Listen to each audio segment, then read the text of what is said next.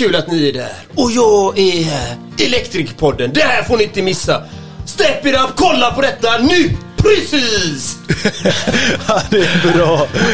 Okej. Ja, grymt. Ja. Ja, och här är ju vi Peter. igen. Jajamän, det är jag och Billy och John Andreas, Ja. Gentlemen's coach. Tackar, Ja. tackar. Vi har precis avnjutit eh, varsin pizza på deg. Jajamän, supergott idag igen. Absolut. Citron på pizzan. Första gången jag äter det. Fantastiskt gott. ganska och gött. kräftstjärtar. Redigt gott alltså. Ja, det var en uh, salig blandning, men en perfektion i kombination. Så var det. Jag håller med. Det var, det var fantastiskt gott. Vi har precis avslutat ett samtal också. Jajamän. Med Både eh, pizza och samtal. Hur, hur kändes det att vara med? Ja, Det var fantastiskt kul att vara med. Speciellt eftersom jag brinner för eh, just elyrket Ja. i helhet. Det är ett fantastiskt yrke som jag började med 96. Så att jag tycker det är så kul. På min tid fanns det ju inga kvinnor och nästa gäst är ju en kvinna i podden va? Exakt, och är det inte underbart att framtiden går framåt och utvecklas? Det är så fantastiskt Ja. fint. Och vi Och den här mångfalden. Jajamän, det är det vi, eh, vi vill få in i, i, genom podden här. Att mer mångfald alltså. Precis. Och det här är ju, det är återigen en, en resa, men vi vill verkligen påvisa att allting är möjligt. Du väljer din egen väg i denna branschen, liksom. du kan utvecklas åt vilket håll du vill. Och det har verkligen Frida gjort. Hon har tagit steget, hon har vågat ta de här stegen och sitter alltså idag som VD på Fagerhult. Ja. Det är coolt. Hon, är, hon är lika gammal som mig, Peter. 34 år är hon. Skitgammal. Två Ja, kids. Va? Jag trodde du var 24. Tack. En grej som eh, är viktigt att ta upp med Fagerhult, vet du vad det är John Andreas? Med Fagerhult. Ja, vet du vad som är viktigt att ta upp med dem? Det är deras fantastiska kvalitet på armaturerna. Ja, ja, det gör det, vi Ja, pratade absolut. faktiskt om det. Vi nuddade vid det. Vi tog det som en självklarhet. Men det som var det viktigaste. Hur ska de komma närmare den lilla elinstallatören? Och inte bara jobba mot konsultled. Mycket intressant fråga. Det får ni inte missa. Följ det avsnittet och spetsa öronen. Det kommer bli fantastiskt bra. Jajamän. Nu kör vi. Om el, om el, en podd som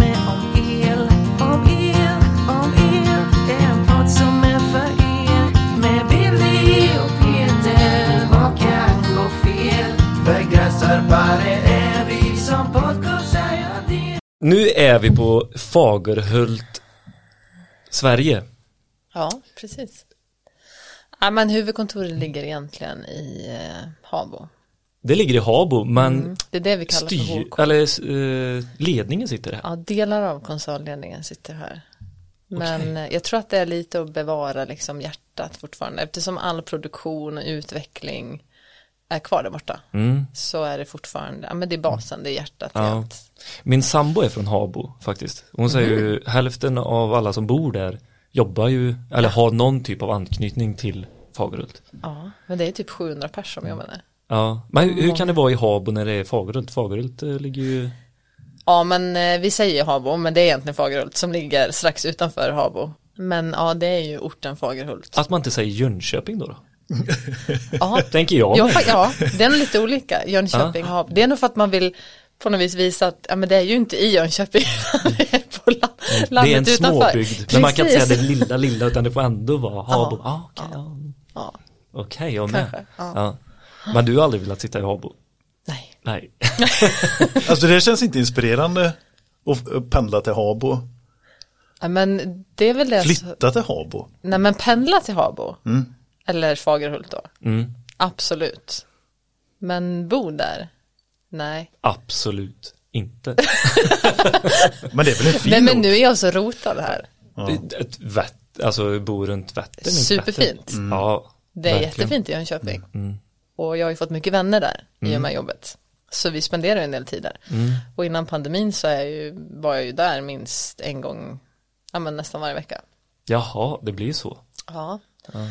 Jag trodde ju aldrig det, men jag har lite saknat den här motorvägen som man har legat och plöjt i ganska många år nu. Men du känner alltså mer eh, tillhörighet till Stockholm än Habo, får man då säga med det här. Oh ja. Men då kommer du från en väldigt liten by själv.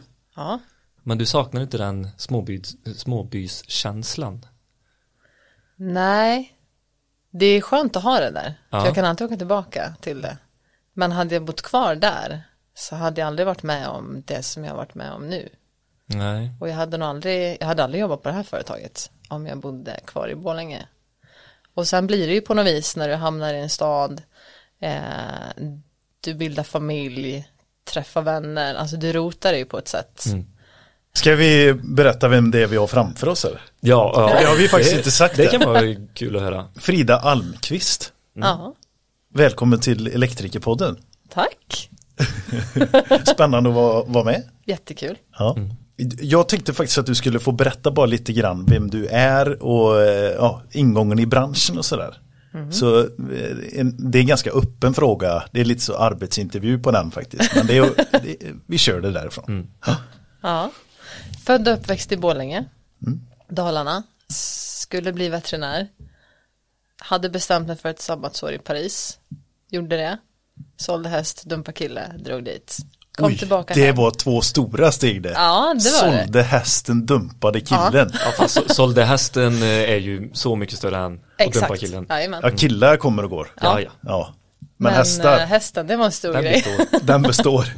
Nej men det måste väl ändå varit ganska tungt eller? Hur länge hade du ägt eh, hästen? Eller har du haft många hästar kanske? Nej, det var min första. Mm. Den hade jag haft i fem år. Ja, men det var tufft. Men jag hade, har alltid haft så här, jag ska, jag ska bo i Paris. Jag hade aldrig Mm. varit där. Men det var en sån här grej. Jag får så här fixidéer ibland. Det här ska jag göra. Ja. Så det fanns liksom inte på kartan. I, I tidig ålder menar du? Ja, det var tänkt? nog en dröm från eh, ton 15, tonåren. Efter gymnasiet ska jag till Paris. Mm. Ehm, Vad var det som lockade där då? Nej men eh, språket, bara få testa ett annat land. Eh, jag vet egentligen inte varför det var just Paris. Det hade nog lika väl kunnat varit Rom eller något. Var Men, det eh, längtan bort från Borlänge? Ja men lite få se världen kanske. På ett annat sätt. Är det inte det man brukar säga att eh, Paris och Borlänge är som natt och dag? ja precis. Ja. Något i den stilen. Ja. Poetisk gammal klyscha. Nej men så det skulle jag bara göra. Så jag stack dit. Ja. Så ja, jag var där i ett år. Kom hem till Borlänge. Tyckte att nej, här var det ju precis som det var när jag åkte. Och sen hade jag lärt känna många vänner i Paris som bodde i Stockholm. Och sen hade min eh, bästa tjejkompis hemifrån flyttat till Stockholm. Så därför var det Stockholm. Det hade kunnat vara Göteborg eller någonting annat också. Men jag hade liksom ett socialt, Men det är väldigt mycket här i Stockholm så är det ju mycket mycket dalmasar i Stockholm. Ja, precis. Vi höll på att säga något annat. Men det är mycket dalmasar. Ja, när, man är, när man kommer från söder om Vänern så tycker jag att allting ovanför Karlstad är Norrland. Mycket norrlänningar. Det var du som sa det Billy. Jo. Nej men visst är det så. Det är mycket dalmasar i Stockholm. Ja, det- Så det är lätt att känna sig hemma. ja. ja, men det måste ju vara så. Jag höll på att åka på stryk av en dalmas här i, i Stockholm. Nej. Säkert med Vad gjorde du då? Jag gjorde ingenting. Jo, Nej. en dalmas hoppar inte på utan alltså. Du, det, var, det, det var verkligen så här att jag stod eh, lugnt och sansat och väntade på min tur och skulle få kissa på toaletten. När han vänder sig om och frågar. Ja, på dalmas. Dalmål menar du? Dalmål. vad, jag, vad jag glodde på. Ja, jag glor inte på någonting. Jag ska in här på toaletten. Och så puttade han till mig. Alltså så hemskt alltså. Det där är inte hela historien kan jag säga. Det där är inte helt. Jag vet precis hur Peter blir när han dricker lite bärs. Känns inte som det. Ja, Men eh, Paris, du blev aldrig, eller blev du eh, fullständigt förälskad i Paris och ville bli kvar? ja, men inte tillräckligt då eftersom jag flyttade hem tänker Ja. jag. Men sen hade jag liksom klart med jobb och grejer hemma i Borlänge. Så då var det också ganska naturligt att flytta hem. Ehm, men så kände jag ganska snabbt att nej, eh, nu måste jag ut och göra någonting. Så jag sökte jobb här i Stockholm. Och fick jobb i gallerian. På presstopp. Och kände ganska snabbt att nej, det här är ju inte för mig. Jag tänkte bara jag kommer ner, får jag ett jobb så jag kan flytta ner så löser det sig liksom.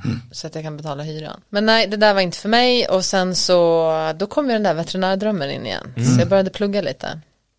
Hade du bra betyg med dig ifrån Eh, gymnasiet? Ja, men hade, jag hade ganska bra betyg. Ja. Och sen så var jag, eh, vantrivdes jag då på, på den här pressstopp och var desperat efter ett jobb. Och det var då min pappa sa, men, men ring till den här killen. Han, eh, han var ansvarig för alla butiker på Electroscandia då i Stockholm. Ska vi ta in din pappa där och avklara det ämnet bara? Vem, vem, vem är det? Min pappa, det är Tony Olsson. Ja, Jobbar många år på Electroscandia och nu är han på Rexel. precis. Så ja, nej det var han som fick in mig i branschen.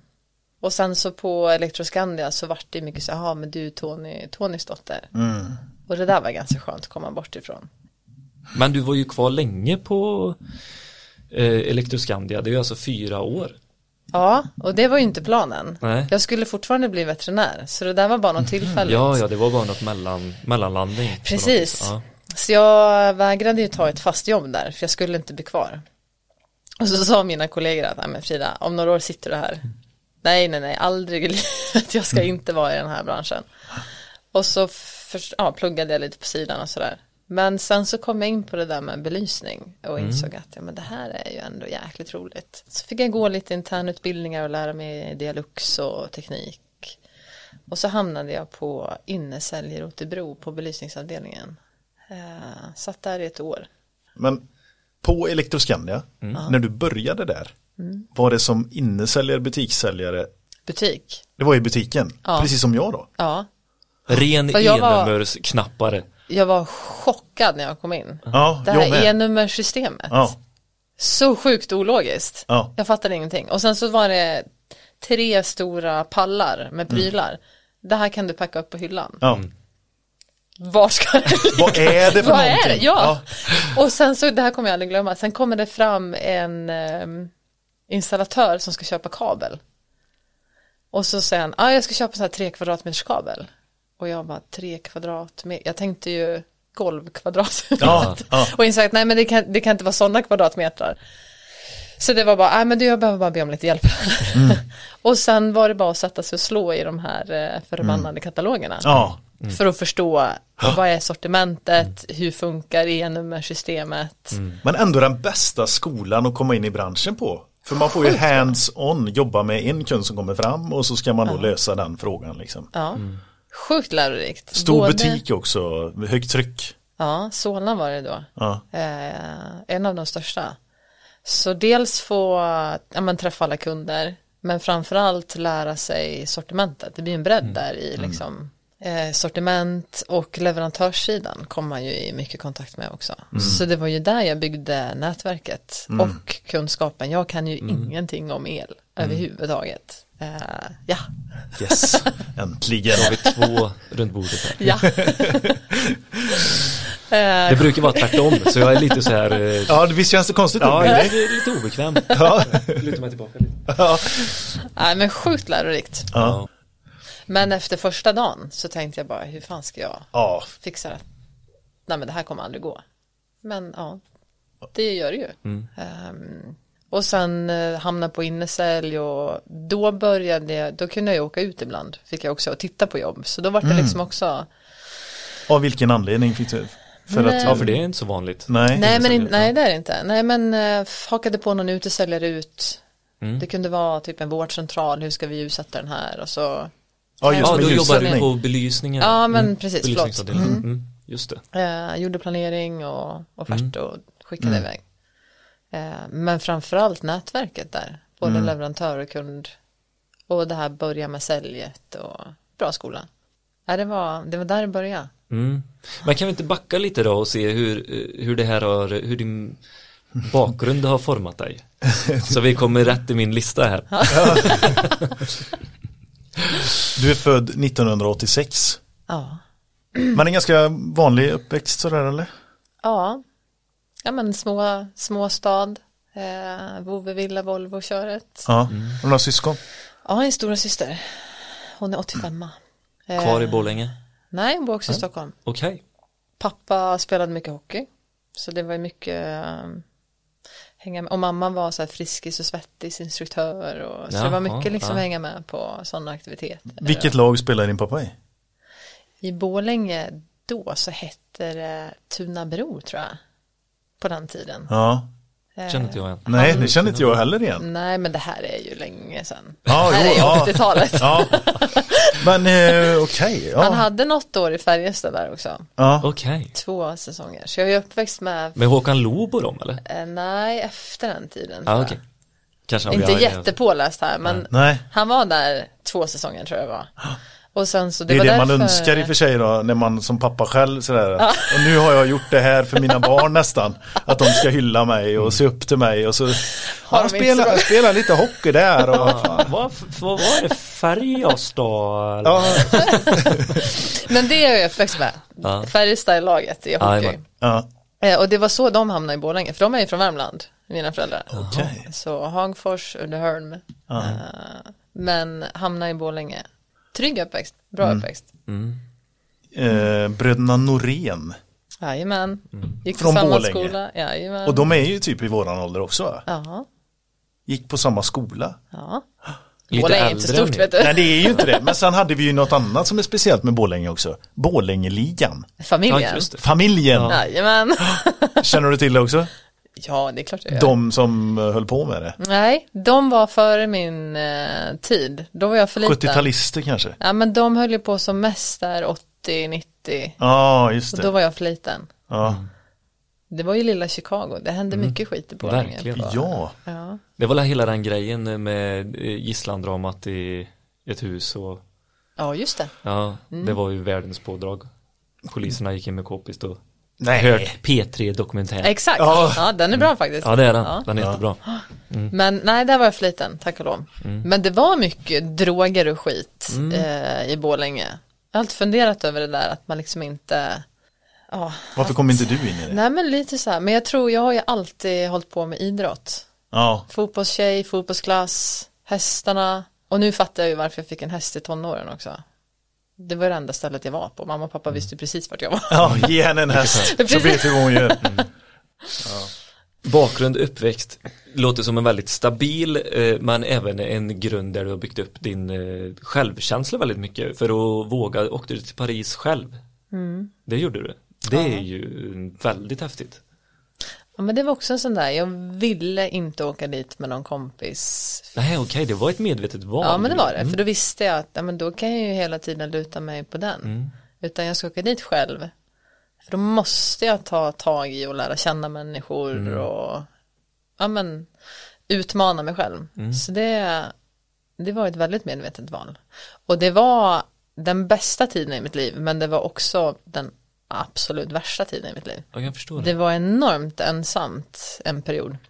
Jag var mittemellan, för jag var, pluggade på två olika universitet.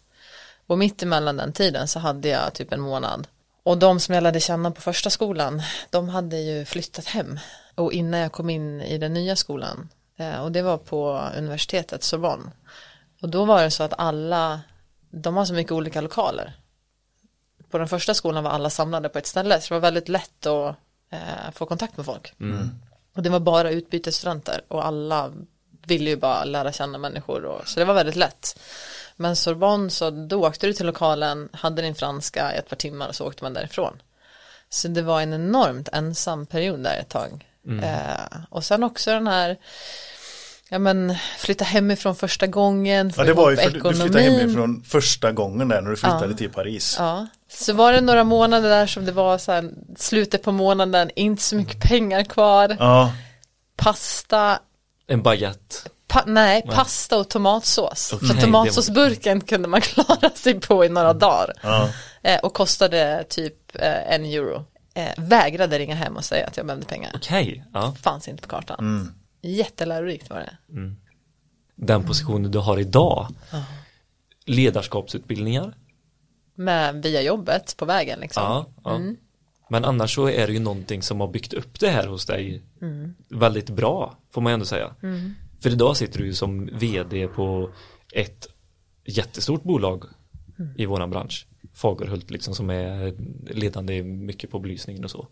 Hur, hur kom du dit? Jag är jättenyfiken. Ja, men jag tror eh, dels det här driv, det, drivet har ju varit min väg framåt. Och som jag sa innan, jag är inte teoretiker utan jag behöver jobba.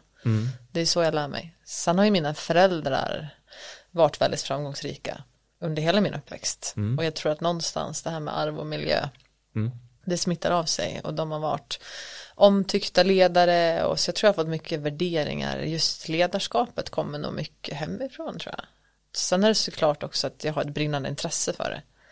Eh, och då gör det att du söker dig till den typen av information, läser, lyssnar på poddar och sådär kring, kring ämnet. Sen har jag aldrig haft en målbild att jag ska bli vd en vacker dag eller jag ska bli försäljningschef utan det är hela tiden det ena har lett mig till det andra. Eh, Men mycket hårt jobb och den här drivkraften i att utvecklas och vilja lära mig nya saker. Eh, Mm. För är du den- lärde dig belysningsdelen då eh, på eh, elektro Precis. och ville gå vidare i det. Eh, blev du headhuntad eller sökte du dig till eh, Fagerhult? Nej men jag har varit uppringd, är den här ankdammen. Ja, jajamän. Jag brukar alltid säga det, han som anställde mig, han hade två stycken före mig. Eh, jag var hans tredje val. Du brukar säga det. Ja. Ja. Jag bara, kommer du inte ihåg det? Jag var ditt tredje val. Ja.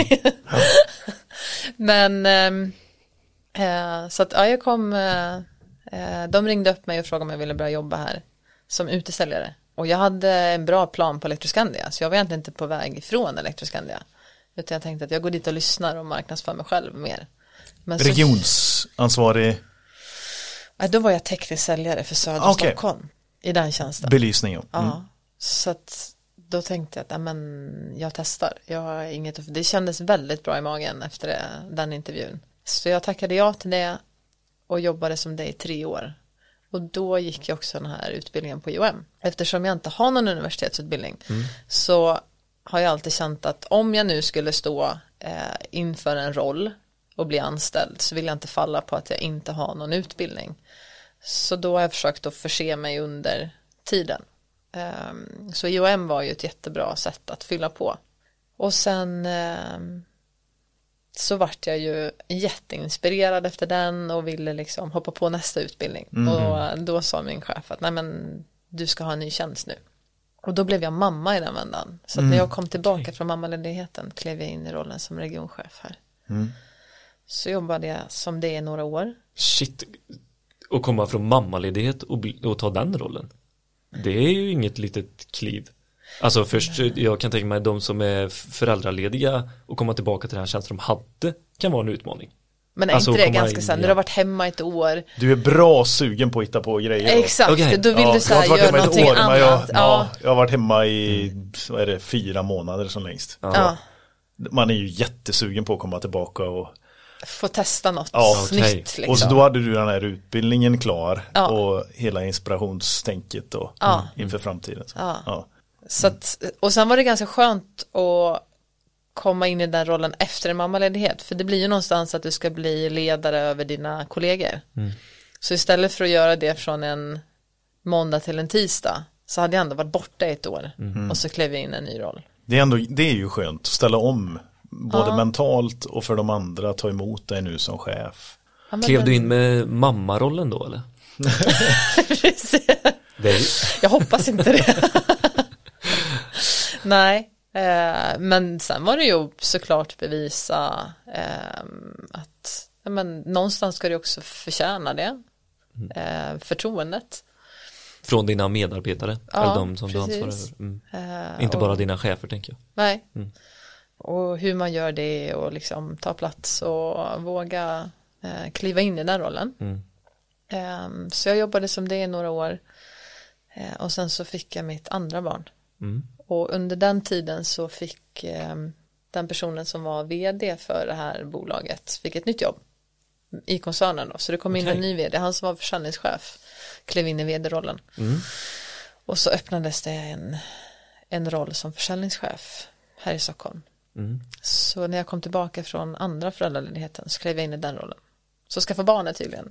Det Framgångsrikt. Ja. ja, men det kan jag nästan tänka mig, för det lyser ju lite grann om gravida kvinnor och Tycker, eller tycker jag i alla fall. ja, vad är jag inne på för spår nu tänker ni. Men jag tycker det i alla fall. Och det är ett annat självförtroende i det. En självkänsla som liksom lyser om är så på det sättet. Så att, eh, ja, det kanske har med det att göra. Men- Ja. Men det, det känns som du tog det med en klackspark. Ja, det går så blev- himla fort ja, det här. precis. Nej gud, jag var livrädd då. Ja. Utmaningarna. Ja. Fram med känslan. känslorna här Ja, nu. Vad är det? Men jag var livrädd när jag gick från grossen till att bli utesäljare också. Ja. Ja. För att sitta inne till, Till att att helt gå plötsligt, ut. precis, och, och jag tror att jag hade ett budgetansvar på typ 30 miljoner. Mm. Och bara, Åh herregud, hur ska jag fixa det? Och vara den som ska ansvara för det. Eh, så då var, nej jag var livrädd, men så tänkte jag, äh, fan man får våga för att vinna, det är väl bara att köra. Mm. Och jag visste ju att jag hade liksom ett bra, eh, de tyckte bra om mig på Electroscandia, så jag tänkte att jag har nog en chans att komma tillbaka om det här skiter sig. Förhoppningsvis. Eh, och det var samma när jag klev in i regionchefsrollen och blev ledare för första gången. Livrädd. Men där våga för att vinna. Vad är det värsta som kan hända? Nej men att det inte funkar bra, då får jag väl hitta på något annat då. Samma sak i försäljningschefsrollen. Eh, större ansvar, mer personer, mer pengar.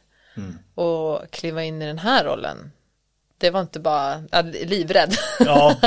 Men eh, för regionschefsrollen eh, var det någon, eh, vad säger man, fick du gå igenom några tester för att, inte den, nej. Eh, för försäljningschefsrollen, då var det mer en sån process. Då var det personlighetstester och lite mer analyser och intervjuer och sådär. Men jag vill bara förtydliga att det var alltså eh, regionförsäljare i Stockholm var det i knappt tre år. Ja, Sen gick du på mammaledighet. ja, Och sen så tog du alltså eh, försäljningschefsrollen och var det i två, ja, knappt tre år igen. ja. Och sen vd, alltså det är ju, Det har gått ganska fort. det har gått ganska fort alltså. Du har, måste ju ha så otroligt nöjda medarbetare. Ja, det vet jag inte om jag har. det är inte inte det? de som har bestämt det där. Nej, men jag har väl gjort en medarbetarundersökning Mm. i alla fall. Och där fick jag eh, ändå rätt bra betyg. Så det var skönt. Mm. Hur, hur sover du om nätterna? Just nu sov jag inte jättebra. Nej. Nej, men det har varit en väldigt intensiv start. Ja. Eh, många arbetstimmar. Normalt sover jag sjukt bra. Men det är mycket som snurrar just nu i huvudet. Eh, så nu kan jag vakna ibland och så drar hjärnkontoret igång. ja. Hur länge har du jobbat som vd? Sen första december. Det är inte länge. Nej, det är det inte. Mm. Mitt i pandemin. Ja, Klarar du det här så, så blir du stark. Vad jobbar din man med? Är ni gifta är- förresten? Ja, det är vi. Ja. Mm. Han är IT-konsult, egenföretagare. Mm. Man in the box. Sitter på Handelsbanken just nu på ett Mm. uppdrag. Systemutvecklare. Mm. Vad är de stora utmaningarna med ledarskapet? Ja, men det är nog eh, att ta sig tid till det. Det tycker jag, för det tar mycket tid. Ska du vara en bra ledare så behöver du lägga mycket tid på ledarskapet. Och det är att frigöra tiden för det. Det är mycket att lyssna in. Alla medarbetare har ju liksom olika utmaningar och olika behov. Så det skulle jag säga är den största utmaningen. Hur har du hunnit eh, att bygga på dig erfarenhet i form av ledarskap på, på de här fem åren? Det kräver ju ganska mycket reflektion kan jag tänka mig. Inför varje ny tjänst också. Men jag tror någonstans så um, är ledarskap någonting som du har i dig. Jag har ju alltid varit den informella ledaren i fotbollslaget eller i, liksom när man har gjort grupparbeten eller i skolan sådär. Ehm, så att någonstans har den alltid funnits, grundläggande värderingar har den alltid funnits där. Sen handlar det ju mycket om att lära sig hur är jag som person för att förstå hur jag behöver anpassa mig till vad jag har för personer i gruppen. Och vad är jag för typ av ledare? Vad står jag för? Det har ju också varit en resa under de här fem åren att liksom ta reda på vad tycker jag är viktigt i ett ledarskap och vilket ledarskap vill jag liksom sprida. Ja. Ehm, och det har varit en jättelärorik resa bara i att få liksom jobba med det och vara ledare och sen få ta del av utbildningar. Ehm, och sen som jag sa innan, lyssna mycket på poddar. Jag tycker att det är extremt spännande med ledarskap och vad, vad ett gott ledarskap kan ha för effekter. Och du får förklara ditt eh, ledarskap med, med dina egna ord. Mycket energi. Eh, Jag försöker sprida mycket glädje. Eh, Och det är väl den feedback jag får också. Hur, hur gör du med medarbetare som eh, inte tycker om ditt ledarskap?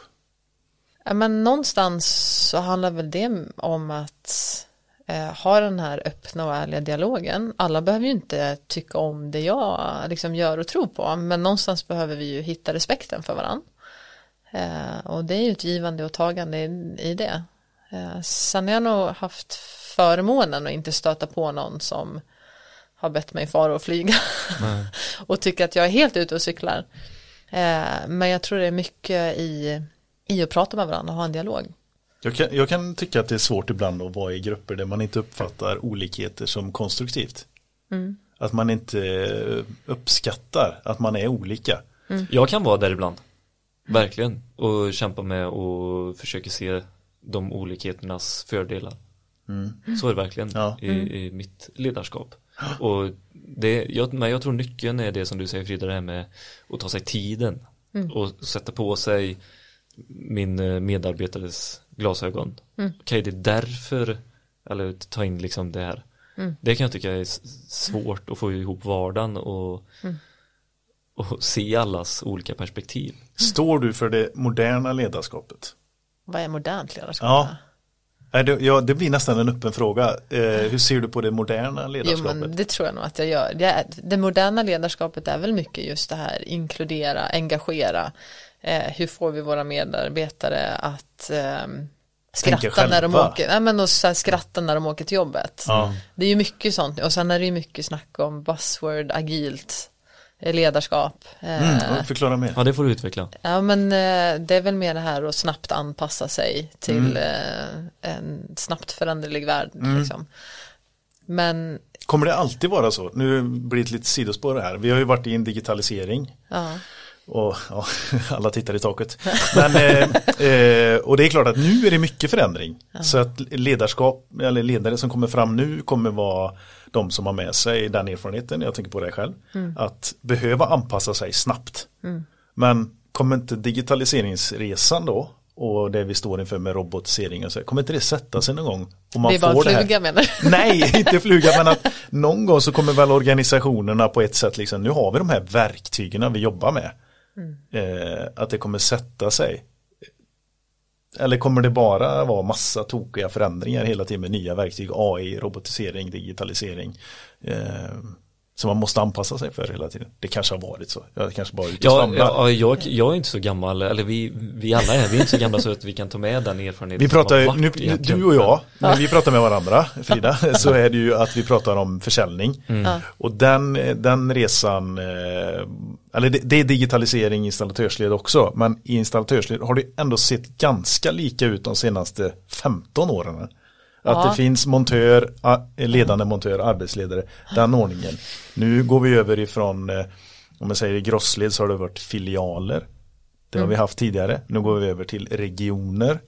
Och så har man en regionschef som är, eh, ja, och så flyter säljare över fältet och så har man tekniska säljare och ehm, ja, vad, vad kallar man det, jag vet inte, men eh, att det, det, det höll ju på att och liksom sätta sig på ett annat sätt nu, man kanske har call centers istället för filialtänket. Ehm, och där är ju eh, i din, i din roll som ledare idag så har det ju varit en otroligt stor resa och förändring i celled. Men kommer det inte sätta sig någon gång? Jag vet inte vart jag vill komma med detta men En lång plädering. ja, lång plädering. Ja men det är ju frågan om det kommer göra, alltså om man bara tittar tillbaka de senaste åren. Mm. Den här förändringen som har varit, men titta framåt med AI och som du säger, alltså, Jajamän. det går ju en enorm fart. Mm. Jag har svårt att se att det ska stanna av och med det teknikskiftet vi är i. Mm. Jag tror att det kommer fortsätta vara en ganska snabb utveckling. Det jag ville koppla in det på det är ju det här med eh, att vara agil. Ja, Ja, att kunna hantera förändringarna som kommer. Eh, våra föräldrar har ju kanske inte, ja, de har ju behövt vara agila men de kanske inte har varit det. För att det har sett ganska lika ut. Konventionellt, analogt, relationer som är fysiska. Sen tror jag det går väl trender i det där. För om man Ja. kollar på det gamla ledarskapet. Då var det ju mer auktoritärt. Någon går in och pekar med hela handen. Det är så här vi ska göra, punkt.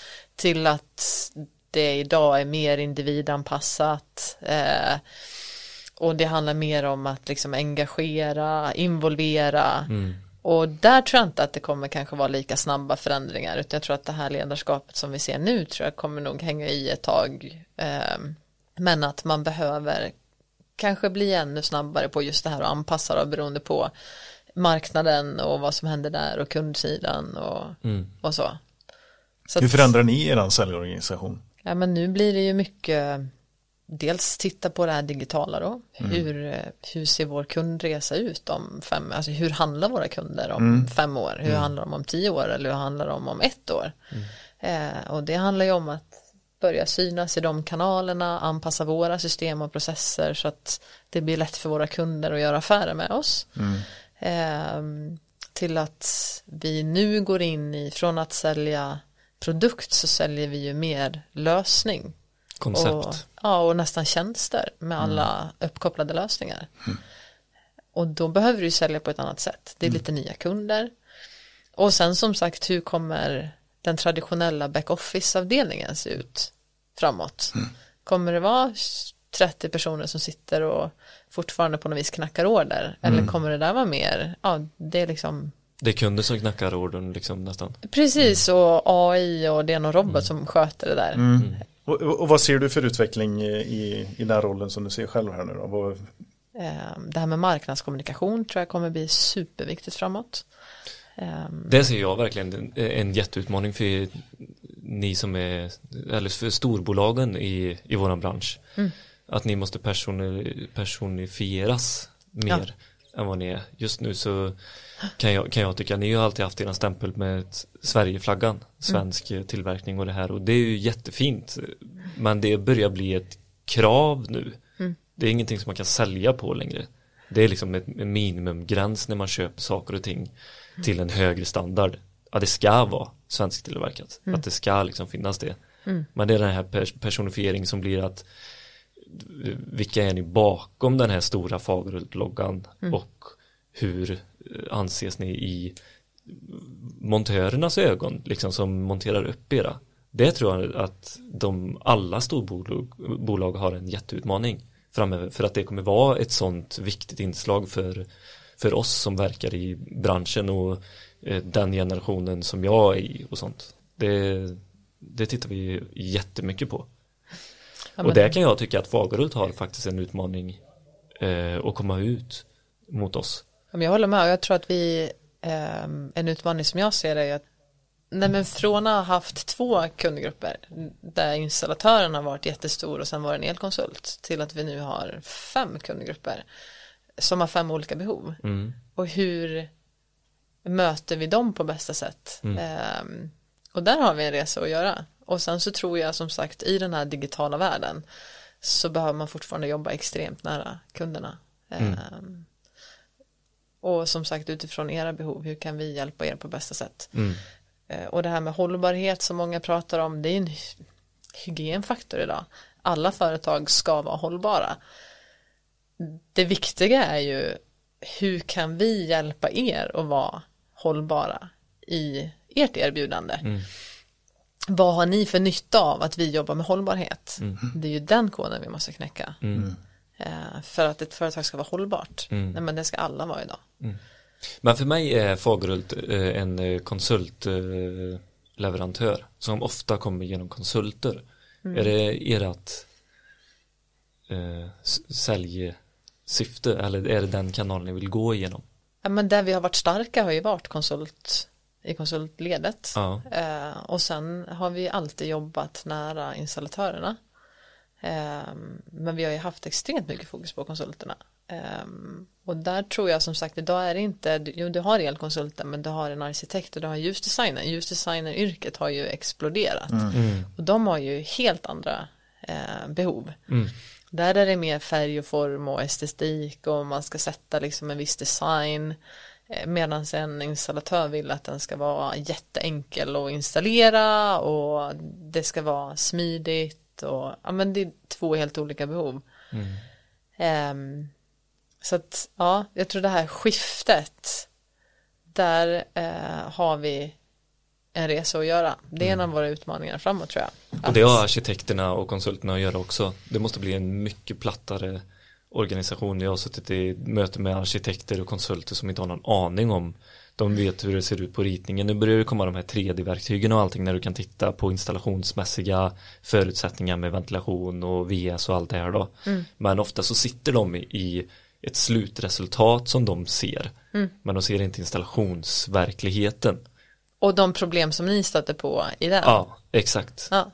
Och, och det är det som jag kan tänka så här är ganska känsligt från eran sida att att vara på den sidan mot oss montörer. Hur ser du på det?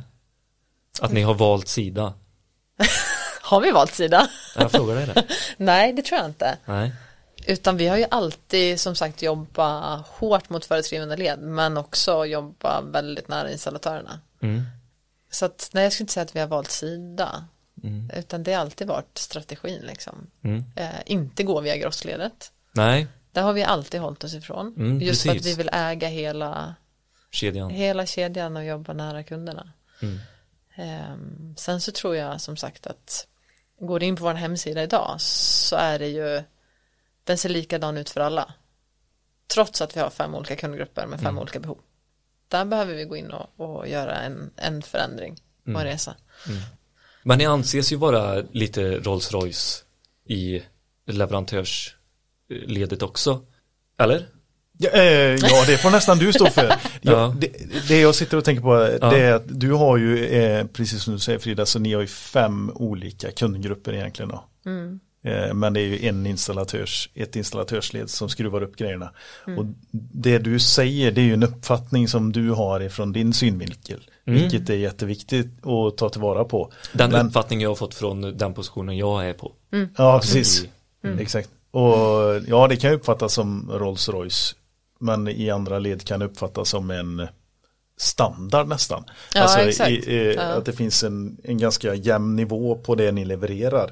Och det tror jag att ni ska vara ganska stolta över. Eller så känner jag Ja, när men jag tänker verkligen. på Det. det. som jag ville komma Ja, till lite du får här. berätta mer vad du Ni vill komma till. anses eh, som ett eh, liksom bra bolag. och det- Premiummärke. Ja, premiummärke. Det är det jag vill. eh, Tack, tack Peter. Eh, och, och, och på så vis eh, är ganska dyra. Prisvärda. Prisvärda, ja precis. Jag väntar lite på den här kommentaren faktiskt. Men vad är, det, vad är det man får, anser du, när man köper en Fagerhult eh, armatur? Ja men det är ju just den eh, kvaliteten som vi aldrig tummar på. Eh, vi står ju liksom för, ja men dels det här att vi är, vi, vi är ett svenskt bolag, vi har våran bas och grund här, vi har tillverkningen nära. Men framförallt den så tullar vi aldrig på kvaliteten. Ehm, och det ser vi nu i LED-skiftet så har det ju kommit in det har ju öppnat upp dörrar för företag att liksom starta upp verksamheter, eh, man tradar in eh, ifrån andra delar av världen. Och idag kan du ju mäta skillnad på kvalitet på LED till exempel. Eh, och där skulle vi aldrig liksom kompromissa på kvaliteten för att dra ner priset. Eh, och sen just det här att vi vill jobba nära våra kunder, vi vill erbjuda en jättehög service med vi har många säljare utspridda i landet, vi har många ljusrådgivare utspridda i landet, vi har en enorm kraft i vår backoffice-avdelning. Eh, Vi vill vara leveranssäker partner. Så att beställer man från oss så vet man att ja, men det kommer den dagen som Fagerhult säger att den ska stå där, då står det en pall där. Eh, Det ska vara en trygghet att jobba med oss. Mm. Och sen kraften vi har i att ja, men vill du ha något som är helt unikt så kan vi lösa det. Så du kan egentligen rita upp en skiss på ett papper så löser vi det problemet. Det är ju framförallt tror jag den här tryggheten eh, och kvaliteten som är vårt DNA på något vis. Uppfattningen ifrån montörsled Mm. är ju att det är premiumprodukt. Att vi eh, ser er som att ni kommer hellre i konsult och föreskrivande led. Hur Mm. jobbar ni för att komma närmare installatörsled igen? Mm. Eh, Ja, men jag tror kraften som, som vi har är ju att vi har en enorm säljkår som är utspridda över hela landet på ett sätt som många av våra konkurrenter kanske inte har. Och det ger oss möjligheten att jobba extremt nära installatörerna. Och jag tror att det som uppskattas ifrån installatörerna det är just den här eh, hög service, få hjälp där man behöver den, eh, få hjälp med ljusberäkningar eh, så att ni kan vara ute och göra eh, jobben istället. det är en väldigt fin balansgång mot oss eh, montörer skulle jag vilja säga det här med att jobba mycket med konsultsidan men också mot, direkt mot oss för det är inte alltid att man kan tänka så här, ah, de här konsulterna de vet inte verkligheten. så är det. Men Det- de kommer ju från man- verkligen. Nej, och det är nog 50-50. Okej. Ja, det tror jag. Det är nog sådana som har läst ingenjörsdelen också och inte skruvat upp en Ja. TCS. Fortsätt. Mm. Nej men och, och den här fina, fina gränsen. Jag personligen kan tycka att vågskålen står mot konsultsidan när jag tänker på Fagerhult. Varför då? Ehm, Ja men det är nog för att det är väldigt mycket föreskrivet att ni ofta vill ha ganska stora projekt, eh, är min uppfattning. Det, du får eh, verkligen Det är inte dåligt att vilja ha stora projekt. Nej men mot Då oss krävs det eh, att man jobbar i föreskrivande led. Ja, ja verkligen. Men och då är min uppfattning att det är bara där Fagerhult vill verka. Så att jag kommer aldrig kunna, jag, eh, jag skulle inte, bara vi säger om eh, eh, en kunds eh, personalutrymme nu som, som är för eh, 40 pers och lite nya fina armaturer och sånt. Det, det skulle jag kunna säga så här, jag skulle nog inte skicka det till Fagerhult för att jag tänker så här, det är lite för lite.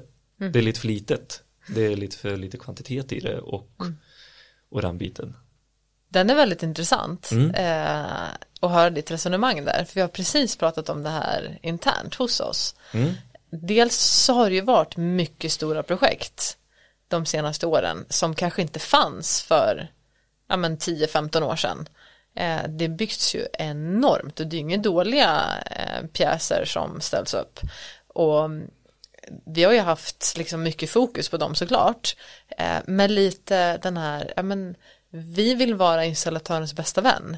Hur kommer vi tillbaka till det? Men hur Eh. tycker du ni kämpar för det då? För jag, där kan jag tycka att ni har misslyckats lite då. Vad är, Ja men jag tror det är det här, som vi sa, det är egentligen ganska enkelt.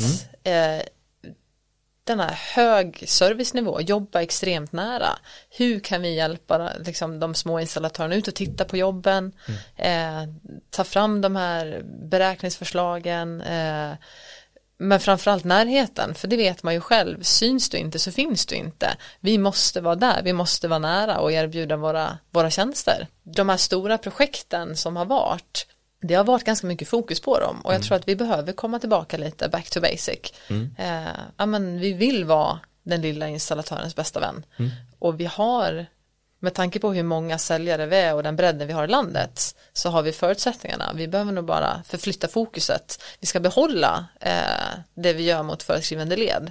För det är viktigt för oss. Men vi måste bygga på och vara den lilla installatörens bästa vän igen. Ehm, Låter det som ett bra svar Billy? ja då tänker jag så här med en gång eh, vad det skulle innebära. Och det är väl typ den här eh, lagervaran som man skulle kunna få lite snabbare än två till tre veckors leveranstid. Och ta ett sånt stort bolag som ni är till den snabba leveransdelen. Är, det, är det någonting som, som ni har eller någonting som ni kommer satsa mot för att vara den här lilla mm, bolagets bästa vän liksom? Ja, men jag tror där eh, har du en skillnad i som grossen där du bara svänger förbi och plockar det på hyllan. Jajamän. Det kommer ju vi aldrig kunna vara och vi ska inte vara där. Men däremot så handlar det ju för oss i så fall att titta på, men har vi rätt sortiment på, på vårt lager? Så att du kan få det med dagen efter leverans. Eh, så att det är ju mer för oss, vi ska inte bli en grossist, men vi behöver jobba med att ha rätt sortiment på hyllan och att vi har volymerna på de produkterna som rullar mycket för att kunna erbjuda den tjänsten. Har ni inte det idag? Eh, jo men det är ju utmaningen idag att ha rätt produkter på lager för att det blir mer och mer special. Eh, det efterfrågas mer och mer special. Eh, men jag skulle säga att massorna av det vi säljer, det här liksom, ja men det är en all five eller en, en, en flat panel, där har vi styrkan i att bygga mycket på lager med tanke på eh, fabriken i Jönköping. Sen så gäller det ju att vara med och se om det här förändras. Är det någon annan typ av produkt som ska vara där? Men idag så tycker jag nog att vi har rätt produkter på lager. Men som, en, eh, som ett litet mindre bolag som jag jobbar på och representerar så uppfattar man er mer på konsultsidan och den hjälp, uppmärksamma delen där än mot oss som ett mindre bolag. Hur, eh, är det något som ni vill eh, verka bara på konsultsidan eller uppfattas framförallt som, som jag ser det? Nej, vi vill ju verka på båda sidorna. Vi vill jobba extremt nära konsulterna, men vi vill också jobba extremt nära eh, både stora, medelstora och de små installatörerna. Och där har vi ett jobb att göra. Det har varit mycket fokus på stora projekt för att marknaden eh, har efterfrågat. Det har varit mycket stora projekt på marknaden. Eh, men vi behöver bredda oss och komma tillbaka till att bli den lilla installatörens bästa vän.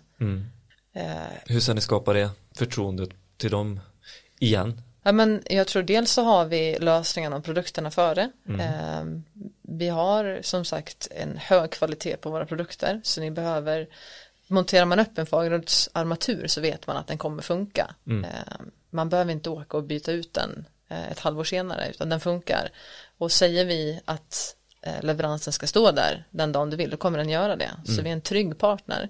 Men sen handlar det extremt mycket om tillgängligheten för oss. Vi måste jobba extremt nära er och supportera er när ni behöver det.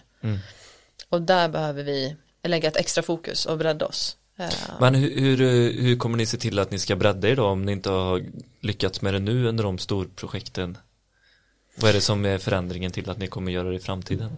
Ja, men dels så har vi, eh, det är precis det här vi pratar om just nu. Eh, Vi går in i ett strategiarbete där vi har tydligt identifierat det här. Att vi är väldigt starka på konsultsidan och på stora projekt. Men det här är någonting som vi behöver utveckla. Och det handlar ju om att eh, lägga mycket fokus på det internt. Ökad närvaro Ökad närvaro. och ökat Ja. fokus på de små installatörerna. Ehm, den är ju superviktig. Men det vi kan liksom tillgänglighet, närvaro och hög service ehm, kommer vi lägga extremt mycket fokus på. Grymt. Vi har egentligen lite eh, framtidsspaningar, hur, eh, hur du känner, vart är, vart är vi på väg i, i branschen? Vad är det efterfrågningar och eh, eh, ja, framtiden? Eh, Jag tror att det kommer hända enormt mycket inom tekniken. Framtiden ligger i tekniken. Eh, Vi har ju fördelen att det behöver alltid finnas belysning i lokalerna. Men vad ska sitta i belysningen? Nu pratar vi sensorer med närvaro, eh, det är vi vana vid. Men nu kommer det samarbeten med, eh, ja men du ska kunna styra det med din telefon, du ska kunna styra ventilationen, du ska kunna styra eh, säkerheten, vad heter det, larm eh, och även mm, bokningssystem för konferensrum, hur hittar jag den personen jag ska träffa Ja, just det. allt det här kommer ju komma in i ja men kan vi få in det i belysningen? För den sitter ju redan där. Och hur integrerar vi tekniken? Eh, och så att våra system pratar direkt med fastighetsbolagets egna system. Och hur kan vi integrera dem? Och även titta på ja men nu är vi i projekt där man utvärderar hur kan du nyttja kvadratmetrarna på bästa sätt? Mm. för fastighetsbolagen att liksom optimera ytorna. Eh, Du kan få en heatmap över vart rör sig vår personal och kan vi minimera. Okej, via sensorer i era armaturer och så Ja, vidare. precis. häftigt. Eh, Så där kommer det ju hända enormt mycket eh, framåt. Mm. Det är den ena delen. Den andra delen är ju hållbarheten. Nu LED-teknikskiftet har ju gjort oss eh, energieffektiva tillsammans med smarta eh, styrningar så att vi har ljuset när, när det behövs så kan vi komma ner ännu lägre energieffektivisering.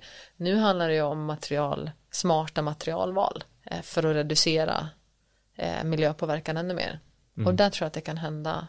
Från tillverkning till att man monterar era produkter. Ja men precis. Och vad är det, är det plaster eller är det andra ehm, hållbara ehm, Materialval. material precis som, som kommer sitta i armaturerna. Mm. Där tror jag det kommer hända jättemycket. Och det ser man ju på eh, nästan i alla projekt som kommer framåt så har det ju krav på vad det har för ja, men i produktionen, koldioxidanvändningen i, i tillverkningen av eh, materialen och det kommer vara krav på Ja, vad heter det? K- K- CO... Carbon Carbon footprint. footprint, så heter Ja, det. precis. Mm. Ehm, och då handlar det om ja, men mycket det här smarta materialval tillsammans med styrning. Det är ju nästan det som kommer göra den största skillnaden. Mm. Ehm, så där kommer det hända jättemycket. Mm. Teknik, hållbarhet. Ja, spännande. Ja, verkligen. Jag eh, vet att eh, du har tänkt ut en personlig sak. Eller personlig. Någonting som är, personligt för dig som du vill ta, ta upp i podden. Och då hade du eh, ja, du- du hade med dig en, eh, en häst här ute i poängen. Ska du hämta den Peter? Ja. Pösa morötter och... Nej, vad tog du med dig? De här, Okej. Åh, mina airpods. Ja. Eh, musik är en jättestor del eh, i mitt liv. ja. Så jag går ingenstans utan de här. Eh, lyssnar mycket på musik. Vad lyssnar du på för musik? Allt möjligt. Det är mycket gamla rockklassiker med eh, U2, Bruce Springsteen, Kiss. ehm, Okej. Till countrymusik, till pop. Ja, det är hela spannet. Typiskt 86 Jajamän. Allätare. det, det låter som min lista. typiskt eh, eh, dal... Alltså... Dalslänning. Nej men eh, lite Borlänge-stuk. Borlänge Alltså rock kan- och det här. Rock och country. Ja. Är det det du menar? Banjo och... eh, Nu är du, vi är från Grästorp. Och nu Men- är det ju ingen konserter så då får man liksom Ja, precis. Vilken är din bästa Bruce Springsteen-låt? Oh, kan man nämna en? Ja, det är svårt Bara- alltså. I'm on fire tycker jag är riktigt bra. Ja. Jag har ett album som jag började lyssna på vid en eh, förlossning. som jag inte var, det var inte jag som förlöste själv, men jag, jag lyssnade mycket på musik då. Jag hade tid för det. Hon som födde hade inte det. Men eh, det, det är eh, Tougher than the rest Ja. och Brilliant Disguise. Vad heter det ja, det är albumet. Det, det finns mycket gömda låtar där i faktiskt. Jag håller med. Ja. Tougher than the rest eh, och det albumet tidigare, det är så jäkla bra. Ja. Han skrev det när han bröt sig loss från eh, det tidigare stora bolaget som han var skriven på då. Okej. Så skrev han det här eh, albumet efter det. Som en revolt, eller? Nej, jag vet inte. Han blev väldigt trött och så bara han skrev det här albumet. Typ. Men Av- av- av Bruce on Broadway. Har, ni, har du sett den? Nej, Oj, på Netflix. Gick på Netflix. Herregud Det alltså, det är det bästa jag någonsin Bruce sett. med en ja. eh, akustisk gitarr. Har ni sett senaste dokumentären? Ja, I Nej. svartvitt? Nej, det har inte jag Och senaste skivan? ja, Lyssna, ja. titta. Gick jag kan säga så här, jag grät typ tre gånger och hade rysningar genom hela Bruce on Broadway eh, spelningen. Man, ja, man måste, man måste nästan titta om den och Ja. om den igen för att fatta vad den pratar om. Ja. Det, Det är så djupt och stort och Ja. ja. ja, det är skitbra alltså. Jag har försökt eh, lyssna på hans bok. Eh, den självbiografin eller vad den heter. Ja, ja, en av böckerna. där. Och han är ju väldigt konstnärlig. Mm. Otroligt djup i, i sina tankar. Och, Ja. Legend. Ja, verkligen. Verkligen. Ja, okej, så eh, airpodsen, de ska Allt är med. med. De ska med. Ja, Precis. Ja, men jag gillar Och det. hästen Jag då? tänk- Ja, och hästen. Men det är lite svårare.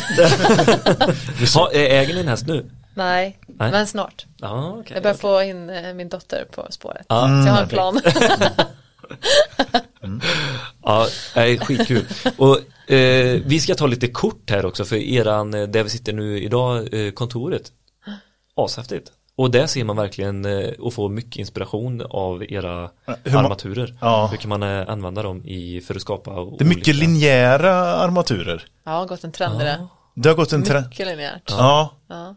Nej men jag ser det i, Ja men skapa våra... de här stämningarna som ni har på de, i de olika rummen i, i kon, här på kontoret. Ja. Ashäftigt. Det, det får vi visa våra lyssnare. Det känns som att mycket... Ja, det, ja, precis. Nej, jag ska inte säga mer. Jag, jag har så mycket sen. Eh, vi tackar dig Frida. Tack så jättemycket. Tack själva. Kul att vi fick komma. Ja,